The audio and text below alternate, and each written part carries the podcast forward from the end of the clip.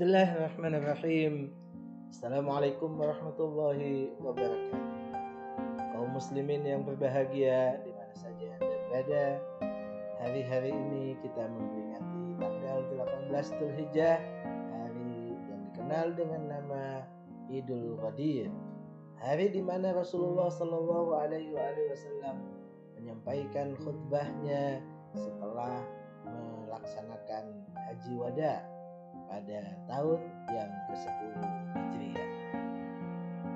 Sebagian ulama ahlu sunnah setelah meneliti kevalidan hadis dan khutbah Idul Qadir, mereka memahami bahwa khutbah yang disampaikan Rasulullah Shallallahu Alaihi Wasallam bukan dalam rangka pengangkatan Imam Ali bin Abi Thalib, tapi dalam rangka untuk menyelesaikan uh, perselisihan yang ada antara Imam Ali dan sebagian sahabat tentang harta rampasan atau lebih tepatnya kuda atau unta setelah beliau diutus oleh Rasulullah ke Yaman dan kemudian cepat-cepat menuju ke Mekah untuk melaksanakan haji di tahun itu dan bersama Rasulullah di khutbah Idul Qadir mereka mengatakan bahwa Imam Ali berselisih pandangan dengan para sahabat atau beberapa sahabat tentang rampasan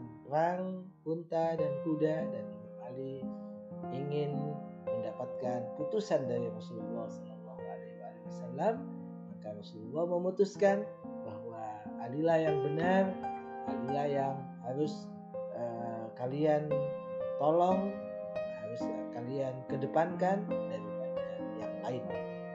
Masalahnya bukanlah masalah kepemimpinan. Masalahnya adalah hanya masalah penyelesaian sebuah konflik atau perbedaan pandangan di kalangan sebagian sahabat dengan Imam Ali bin Abi Thalib. Apakah memang demikian? Coba kita tanyakan pada akal sehat kita. Kalau Rasulullah Shallallahu Alaihi Wasallam hanya ingin menyelesaikan permasalahan kecil, konflik, ataupun kesalahpahaman antara sebagian sahabat dengan Imam Ali seputar pembagian unta ataupun kuda, maka tidak perlu Rasulullah Shallallahu Alaihi Wasallam khutbah menyampaikan khutbah panjang yang eh, dalam riwayat disebutkan khutbah itu adalah hingga kalau ditulis saat ini adalah sampai kepada eh, 20 halaman. Ini adalah sebuah khutbah yang panjang yang tidak perlu untuk disampaikan hanya untuk mengatakan bahwa Imam Ali yang benar, yang lain harus terima putusan yang telah diputuskan oleh Imam Ali.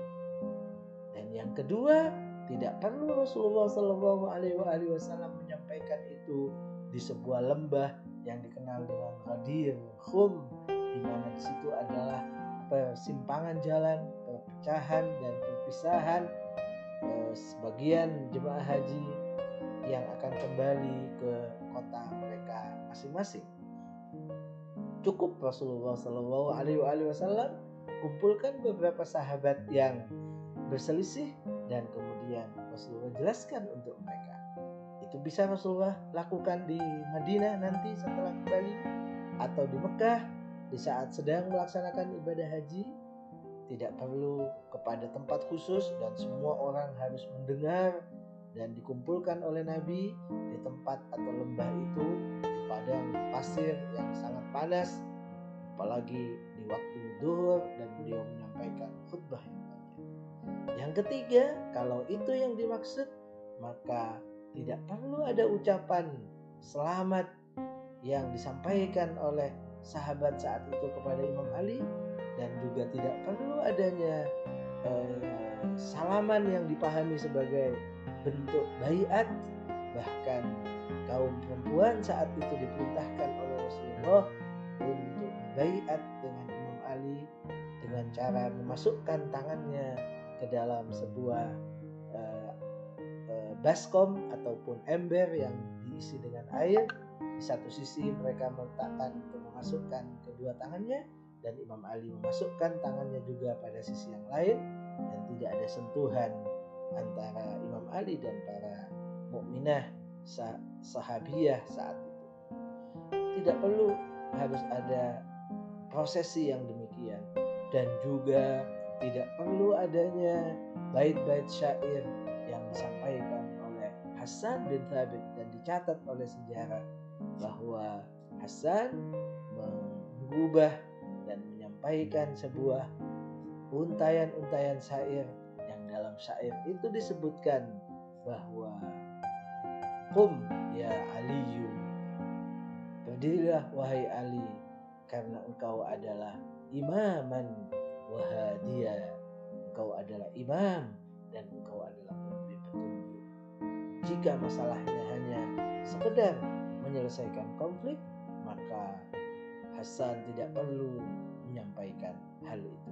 Assalamualaikum warahmatullahi wabarakatuh